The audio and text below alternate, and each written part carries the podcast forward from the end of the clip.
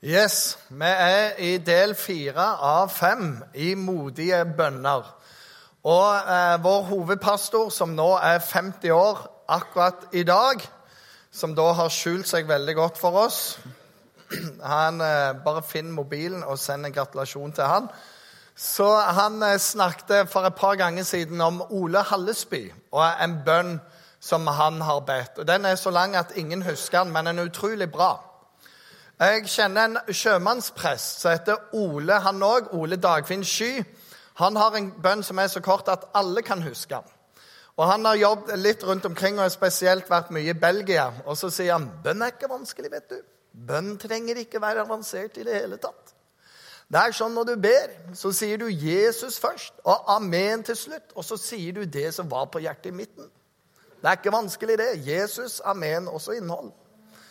Og så er det noe i det. Men så er det dette innholdet, da. Hva er innholdet i bønnen? Og Ole Dagfinn sitt poeng er jo øs ditt hjerte for Herren. Hva enn det måtte være. Han tåler det. Det var en eh, kar som, eh, eh, som, var i Oslo, og plutselig så møter han på en kompis. Og så sier han Du, det sprøeste skjedde meg. Jeg møtte på en annen så sa det var en, en fyr som er bare sjenerøs. Han bare deler ut penger. Og Han fikk 200 kroner, og så sa han til meg gå bort og spør om ikke du òg kan få 200. Så jeg fant plassen, og jeg spurte kan jeg få 200 kroner, jeg òg. Og så ga han meg 200 kroner. Det er jo helt vanvittig. Og, og det, det, er retning der borte. Eh, så bare se, for Han har delt ut penger til flere. Og Så begynte han å gå bort, og så møter han en annen som ser veldig glad ut. Så bare, Hva er du glad for? Nei, det er en fyr her han, som, han deler ut penger. Og jeg spurte om 200 kroner for de andre. Om, så fikk jeg òg. Det er kjempebra. Og så møtte han tre-fire sånn før han kom til denne mannen. Og folk gikk der med sine 200 kroner. Det var en herlig dag. Så tenkte han ja, men det var veldig til sjenerøsitet på han der. Han, og så stiller han seg foran og spør han, ja, er det noe du ønsker, da? Så tenker han. Og så sier han du, har et huslån på tre millioner. Kunne ikke tenkt å dekke det, vel? Så ser han på han. Jo, men det går fint. Og så ga han tre millioner. Og Så gikk han lykkelig derfra. Og så var regelen sa han, at folk fikk lov å be én gang. Så møtte han seinere på han kompisen som fikk 200. 'Ja, fikk du òg penger?' 'Ja, det gjorde jeg.' 'Ja, Er ikke det bra med 200?' 'Jo, det er kjempebra, men det er enda bedre med tre millioner.' Og så, Hæ? Du ba om 200 og fikk 200. Jeg ba om 3 millioner og fikk 3 millioner.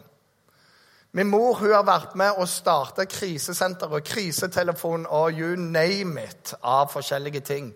Og husker når de skulle starte første krisesenter i Stavanger. Og egentlig så syntes de de trengte to.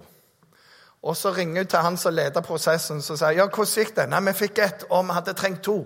Ja, Men så sier mor du måtte jo ha spurt om fem for å få to. Du må være litt taktisk her, Anne. Du må pushe dem litt. Og så er det noe med Skriften som sier at vi skal våge å be. Spør meg. Hva om Gud svarer ja? Tenk om Gud svarer ja på en bønn, så ikke det en 200-lapp, som er herlig, det. Men liksom gjelder de er dekt og alt sammen. Dere har ikke fordi dere ikke ber. Og hvis vi bare tok en pause nå og tenkte på alle de bønnene du har bedt de to siste ukene. Alle sammen. Tenke litt på hva har du bedt om. Jeg er jo småbarnsfar, så kjære Gud, gi meg en hel og litt sånn forskjellige ting. Men hvis, hvis du tar alle bønnene dine og tenker at Gud nå sier Vet du hva? Jeg sier ja, jeg. Ja til alt du har bedt om. Vær så god. Hvor annerledes ville verden sett ut hvis du fikk ja på alle dine bønner? Hvordan hadde det sett ut? Ville det vært at du fikk en natts søvn? Ville det forandre mer rundt deg? Eller ville det vært enda mer? Hva ber du om? Hva ber du om spesifikt? Generelle bønner gir ikke spesifikke svar. Det er vanskelig for Gud å svare spesifikt på en generell bønn. Så hva ber du om? Hva ligger på hjertet? I dag skal jeg ha tre bibelhistorier. Og Det handler litt om å være djerv i bønn. og virkelig sette dette frimodige bønner. Dette er skikkelig på. Og for å si det sånn i denne serien dette er min tale. Dette, Jeg har alltid en agenda. Jeg har et land som trenger Jesus. Vi trenger mye indre legedom. Vi trenger noe ytre legedom. Vi trenger at folk kobler seg på. Vi har en verden som ligger i, i ruiner. Var et vitnesbyrd her fra Romania. Åh, det er så mye bra å be om. Så historiene er her, eh, og de er frimodige. Den første den henter vi fra Postens gjerninger. Og bare for å ta litt foranledning til denne, det er at eh, Jesus han har reist opp til himmelen. Eh, apostlene er igjen. Og Peter og Johannes og gjengen de begynner å virke rundt. I kapittel 3 så går de opp til tempelet, og det står at hver eneste dag så var det en mann som var født lam, som ble båret inn til tempelet og satt på en bestemt plass, og der tigget han almisser. Han levde av og folk ga ham penger så han kunne leve litt lenger. Og Denne dagen så kommer de opp til han, og så sier de, 'Se på oss.' Og Han ser på dem og håper det er penger å hente der. Har du en 200-lapp? Og så sier de, 'Sølv eller gull, det har vi ikke.' Men det vi har, det har vi lyst til å gi deg. I Jesu Kristi navn, reis deg opp og gå. Det er mer enn tre millioner òg, det. Og så står det at han får styrke i beina. Og mannen som ikke har kunnet gått hele livet, han går snart, og han begynner å løpe rundt. Han har mye å ta igjen. og jubelropet er bare der. Woo! Og sammen med helbredelse, dette slår jo ofte ikke feil i Bibelen, så kommer det forfølgelse. Sånn, bare folk ble helbredet, ja, så ble det mye forfølgelse. For det som skjer etterpå, det er at fariserene liker ikke dette her. Så de tar disiplene, kaller de inn til seg og, og sier dette er ikke bra, gutter. og Dere helbreder dem på sabbaten, og det er i hvert fall ikke bra. Og så begynner de å true dem. Dere må slutte å forkynne i Jesu navn. Men så hører de rundt seg at folk er jo helt i henrykkelse. Se, det er han som har vært lam hele livet! Det er han som springer rundt! Det er jo bare fantastisk! Wow! Du skulle bare sett Sånn? De hører alt dette her mens de prøver å true dem på livet. De må slutte med det her tøyset der. Og det beste de klarer å gjøre, det er å si dere får ikke lov å forkynne Jesu navn mer. Og så vet vi at historien seinere blir de kalt inn på andre eh, anledninger, og de blir piska for dette. De blir forfulgt for det, noen blir drept for dette. Og de vet hva som ligger i lufta. Den dagen så går det noen disipler av Jesus hjem og så samler de menigheten, og så sier de vi er nødt til å be i sammen. Det har skjedd et mirakel i Jesu navn. Og så begynner de å be, og midt nedi denne bønnen så kommer dette. Og nå, Herre, hold øye med truslene deres, og la dine tjenere tale ditt ord med frimodighet. Så kan du bare stanse der. Var det ikke frimodighet som fikk de opp i trøbbel? Det var jo det. Og så bare, bare gi oss mer frimodighet. Come on. Rekk ut din hånd, så det skjer helbredelser og tegn og under ved navnet til Jesus, din hellige tjener. Det er en bønn. Gud, du tar deg av det der. Og så bare gir du oss et puff, og så tar vi oss av det der. Hæ? Og så står det da de hadde bedt, skalv stedet der de var samlet. De ble alle fulgt av Den hellige ånd og talte Guds ord med frimodighet. Og evangeliet bredte seg ut. De kunne valgt en annen strategi. Ja, dette var litt tøft. Det var litt motstand, gutter. Vi holder lav profil. Hæ? Vi hvisker bare dette. Men de ber om en frimodighet. Og så er det noe. Mange av oss sitter alene og ber. Vi trenger å vite det, at det er kraft å komme sammen og be. For hvor to eller tre er samla Jesus' navn, der er han midt iblant dem. Og så kan det òg skje at av og til kan jeg være litt nedfor, ha litt lite tro. Det kan du òg ha. Og så er det en annen du sitter med der, som bare har vært innenfor Herren og sett ting med Herrens øyne. Og så begynner den å be, og så bare sier vet du hva, jeg må bare stanse. Jeg leste dette i Bibelen. Og så bare merker du her er det power. Og så fyller det hjertet ditt. Og det står der. De ble alle fulgt av Den hellige ånd. For det er det som skjer. Tro skaper tro. Ånd smitter ånd. Og plutselig så er du på spor igjen av det. Og så skalv stedet. Når opplevde du det sist? At det bare skalv. Det dirra. Det var noe i lufta.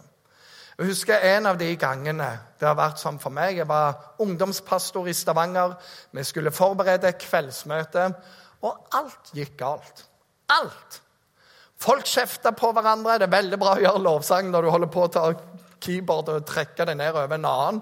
Og Det var sånn skikkelig uggen stemning. Teknikerne fikk det ikke til, lovsangerne fikk det ikke til. vertene. Det var kaos overalt. Og det var bare sånn unormalt dårlig kaos. Og Det er liksom ti minutter til møtet starter, og så er det en sånn Wow, nå stanser vi litt her. Hva er det som skjer? Og så måtte folk be om tilgivelse til hverandre. Det var en forsoning som skjedde. Og så sier noe Vi tror at Gud kommer til å gjøre noe nå, og derfor er vi midt i en kamp, og derfor fyres vi opp.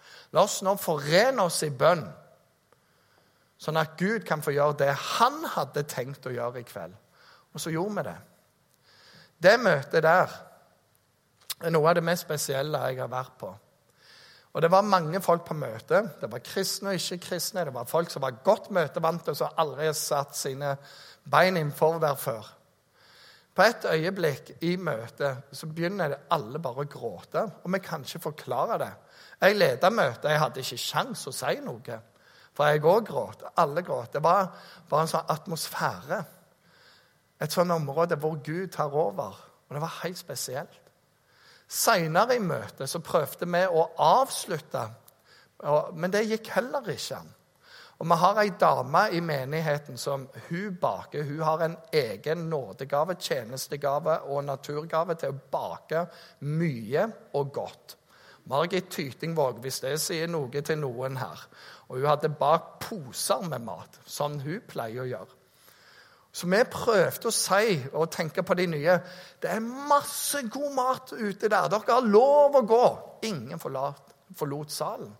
For Gud var der, og de merkte det. Og igjen så prøvde vi å si det er masse mat. Dere må gå nå. Vi holdt på i over to timer. Og etter to og en halv time så sa vi vi har gitt opp å slutte dette møtet.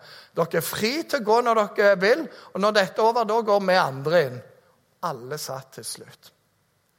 Da de ba, så skalv stedet.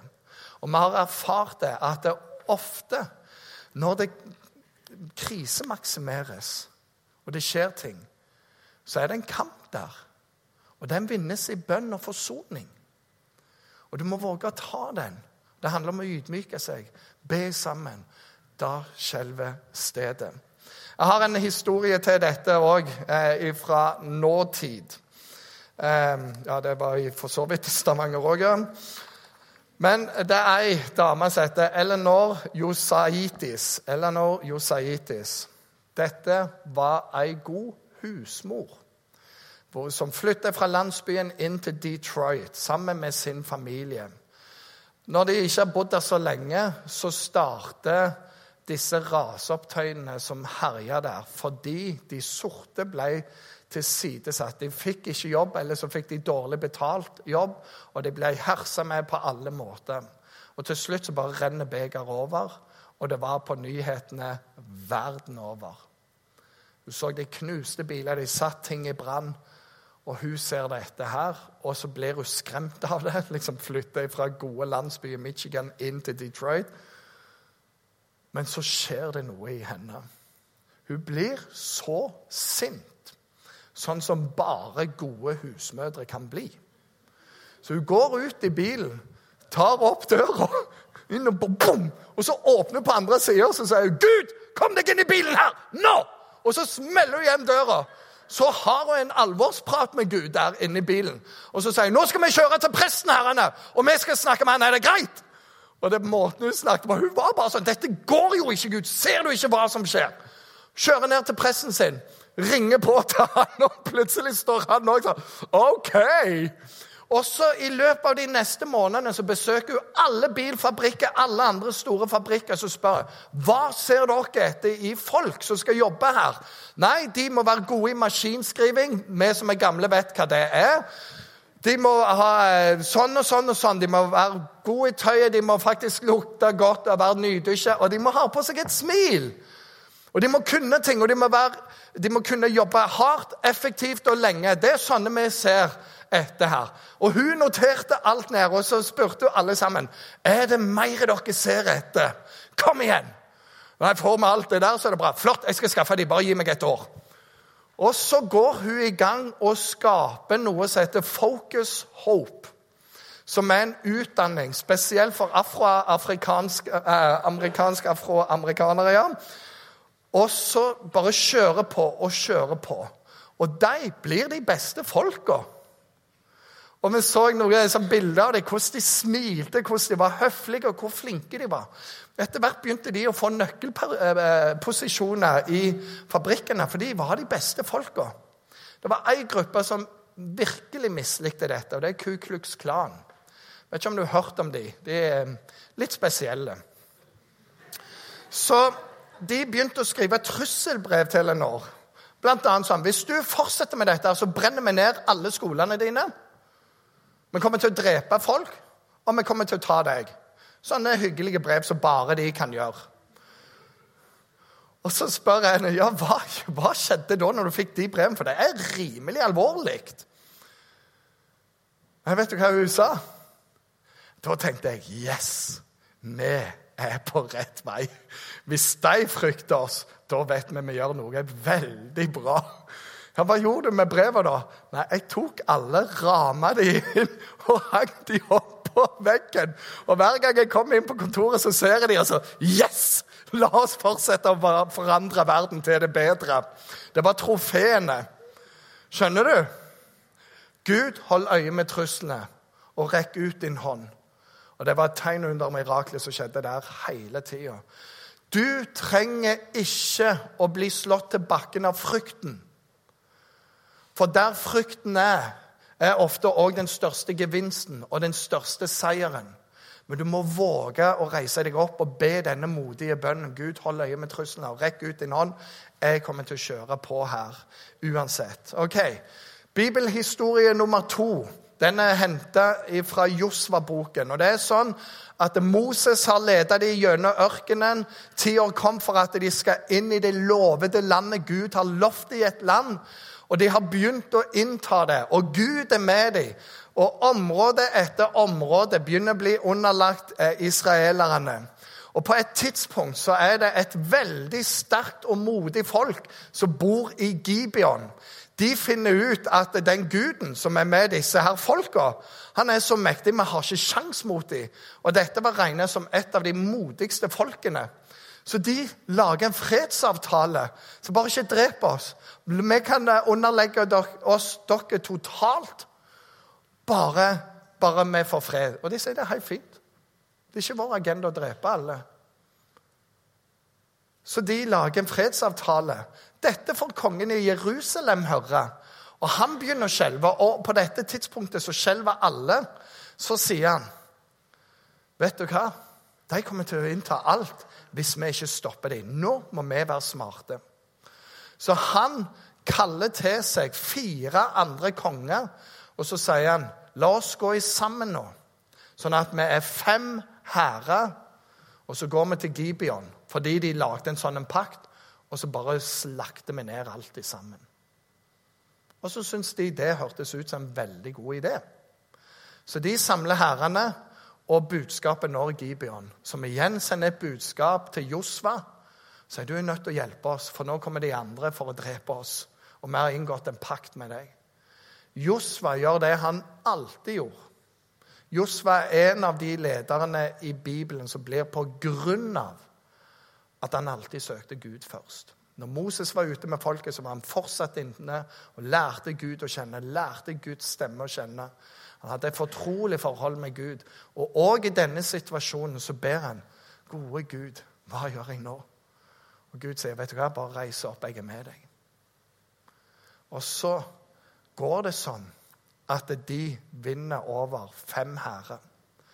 Og så visste de at hvis vi ikke knuser denne hæren, så kommer de hvert eneste år til å komme tilbake og krige og prøve å myrde alle oss. Vi kommer aldri til å få fred. Det var dessverre sånn at enten måtte du knuse dem, eller så fikk du dette i rekyl hele tida. Så de skjønner at de har et overtak, men det er om å gjøre å vinne så mye at de kan ha fred, sånn at de kan bygge opp byene, de kan plante, de kan bo der, og de kan ha et velsigna godt liv. Og på det tidspunktet så ber Josva en rimelig rå bønn. Ops, der var han rå igjen. På den dagen da Herren ga amorittene, det er de fem herrene, i israelernes hånd, talte Josfa til Herren. Han sa i israelittenes nærvær, Sol, stå stille i Gibeon, måne i Ayalons dal. Sol, stå stille. Så står det videre solen stansa midt på himmelen, og den skyndte seg ikke å gå ned før en hel dag var til ende.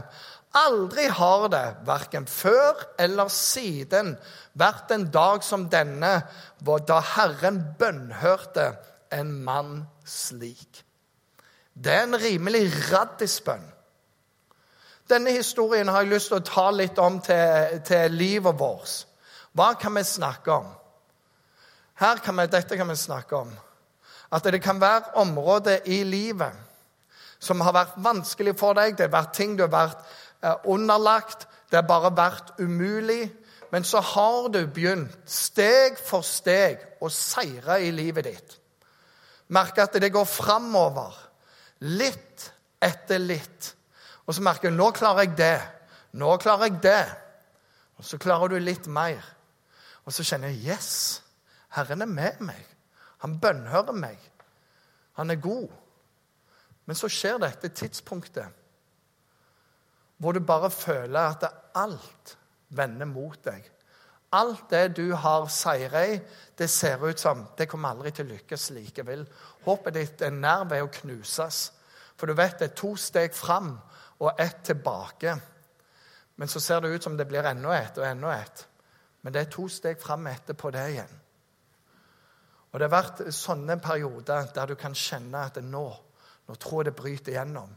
Og så Nei, det bryter sammen. Og det er akkurat der han ber sol stå stille. For det er akkurat på det punktet, når det er en fare, at det òg er mulighet. Hvis sola står stille nå, så har jeg vunnet den seieren for alltid. Og det er det du trenger å vite, at i disse kryssene her så er det ikke bare en fare, men det er en Guds mulighet til å gripe inn. Du har kommet til et fjell som er for stort for deg. Du har kommet til et punkt der hvis du, Gud, ikke griper inn, så vet jeg ikke. Og du, du bare taler ut den bønnen der. Og så er det Nå, Gud, nå trenger jeg at du knuser alt dette og fører meg helt ut i fritt land. Gjør det. Og den bønnen der håper jeg du tar med deg sol stå stille. Eh, du skal få med deg noe fra Mika, kapittel 7, vers 8 òg. Der står det:" Gled deg ikke over meg, min fiende. Forfaller jeg, skal jeg reise meg igjen. Sitter jeg i mørket, er Herren lys for meg. Og Det er noe med innstilling. Når du merker wow, så er det, Nei, vet du hva? Herren er mitt lys. Han skal hjelpe meg opp igjen. Og Nøkkelen til det òg, når du sitter der, det er verset før, men jeg vil speide etter Herren, vente på Gud, min frelser, for min Gud vil høre meg. Bare stå der, og så står du fast. Så dette er din mulighet til å vinne en knusende seier, en endelig seier, og faktisk bli sett helt fri. Siste historien. Den er henta enda før i Bibelen. Jakob, som er bror til Esau, som er en lurendreier og har lurt til seg det ene og det andre og har flykta av gårde og begynt et nytt liv, har da en bror som er så sint på han at han har én tanke jeg skal drepe broren min hvis han kommer nær igjen. Er alt jeg skal gjøre med han. Han har ødelagt livet mitt. Og så kommer den dagen der Jakob tenker nå, nå reiser jeg hjem. Det er gått så mange år, og Tid leger og Det gjør de ikke. Det har skapt en bitter rot. Og så er det en historie der om at Esau får høre det. Og han, han bare rir imot og sier jeg skal drepe bror min. Jeg skal drepe alt som tilhører han. Jeg skal ta og knuse alt. Jakob får litt bekymring når han hører dette her.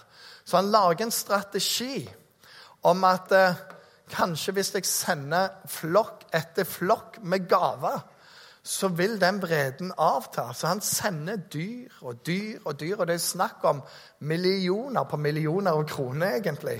Og så sender han dem i pulje.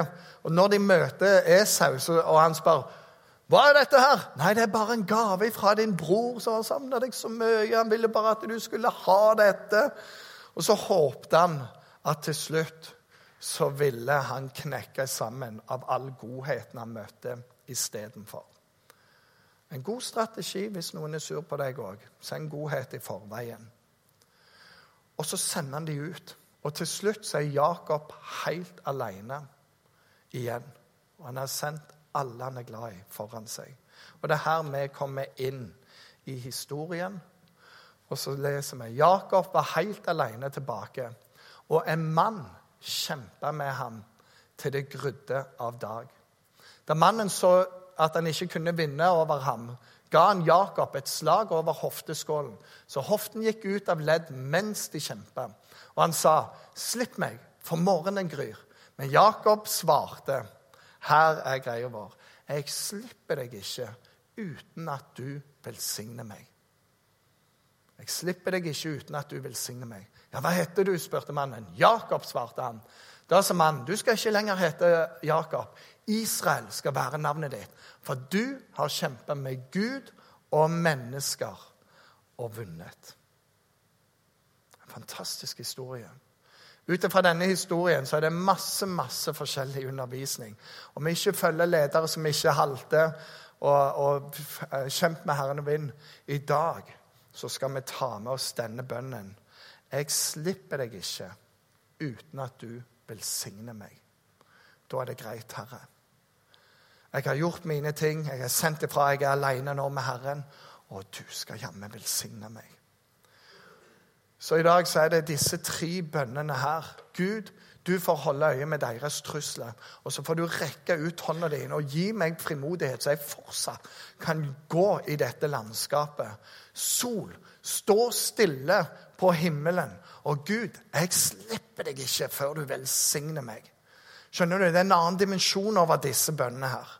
De er rimelig pågående. Og det, For det første så håper jeg at du kan ha med disse. For plutselig Det går fem år, det kan gå åtte år, så er det der. Wow, det er sol står stille nå. Wow, det er, Gud, jeg slipper deg ikke før du velsigner meg nå. Jeg vil gå gjennom dette. Nå kan det for mange òg være. Hva er ditt neste steg? Hva skal være modig? Det kan være å gå til en som du vet er syk, og våge å be. Rolf Henrik som var oppe her, han snakket om eh, Romania. Et modig steg for deg kan være reis på en misjonsreise og så si Gud, jeg stiller meg åpen. Må du gjøre hva du vil med mitt hjerte når jeg reiser her. Og jeg hørte hva han sa. Det knuser hjertet mitt. Det gjør noe med meg.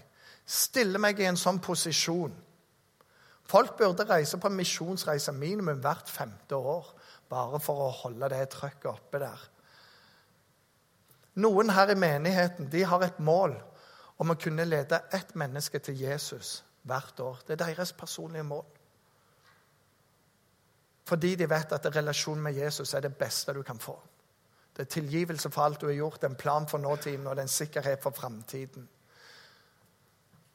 Og det òg er noe du trenger da å be om. Jeg har en kompis han ble frelst, han var med i Hells Angels. Så kom han til at det går ut i all verden, så spurte han ja, hvor er det vanskelig. Tunisia. Der er det vanskelig. Greit, da har Gud kalt meg til Tunisia. Veldig vanskelig. Og så kan det være òg en bønn du trenger fordi noen som står deg nær,